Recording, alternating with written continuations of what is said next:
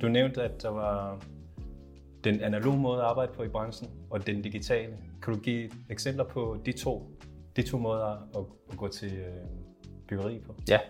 Øhm, altså det, det marked, vi kiggede ind i med hensyn til genbrug af byggematerialer, som, som var der, som er der, som, som er her nu og som har været her i rigtig mange år, det er, det er meget, meget analog. Det vil sige, det er baseret på, at der er en privat eller en håndværker, håndværker typisk en, en, en mentor i det, vi kalder SMV-segmentet, som ved, at der er nogle nedriver, der har nogle lokale lager, hvor de kan gå ud og hente en vare og betale for den, putte den bag firmabilen og få den brugt.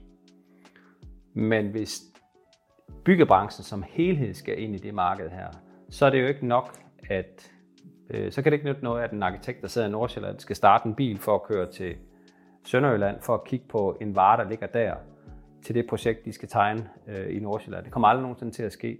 Så det, det, vi var bevidste om fra starten, det er, at den vare, som ligger i øh, Sønderjylland, den skal gøres digital og dermed tilgængelig for en arkitekt, som sidder et andet sted i landet.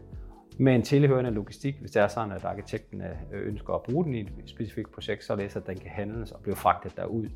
Det er det, der har været vores udgangspunkt.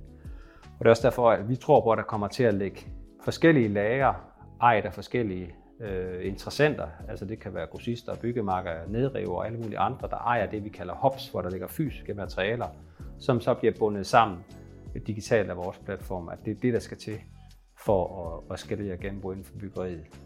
Det er den del, det er det, hvad skal man sige, space vi gerne vil være i, det er at have en platform under til, underliggende og tilhørende logistik, og så er der så nogle helt andre faggrupper, ingeniører, arkitekter osv., som så skal bruge materialerne og så kommer de udførende så til sidst og skal sætte materialerne op.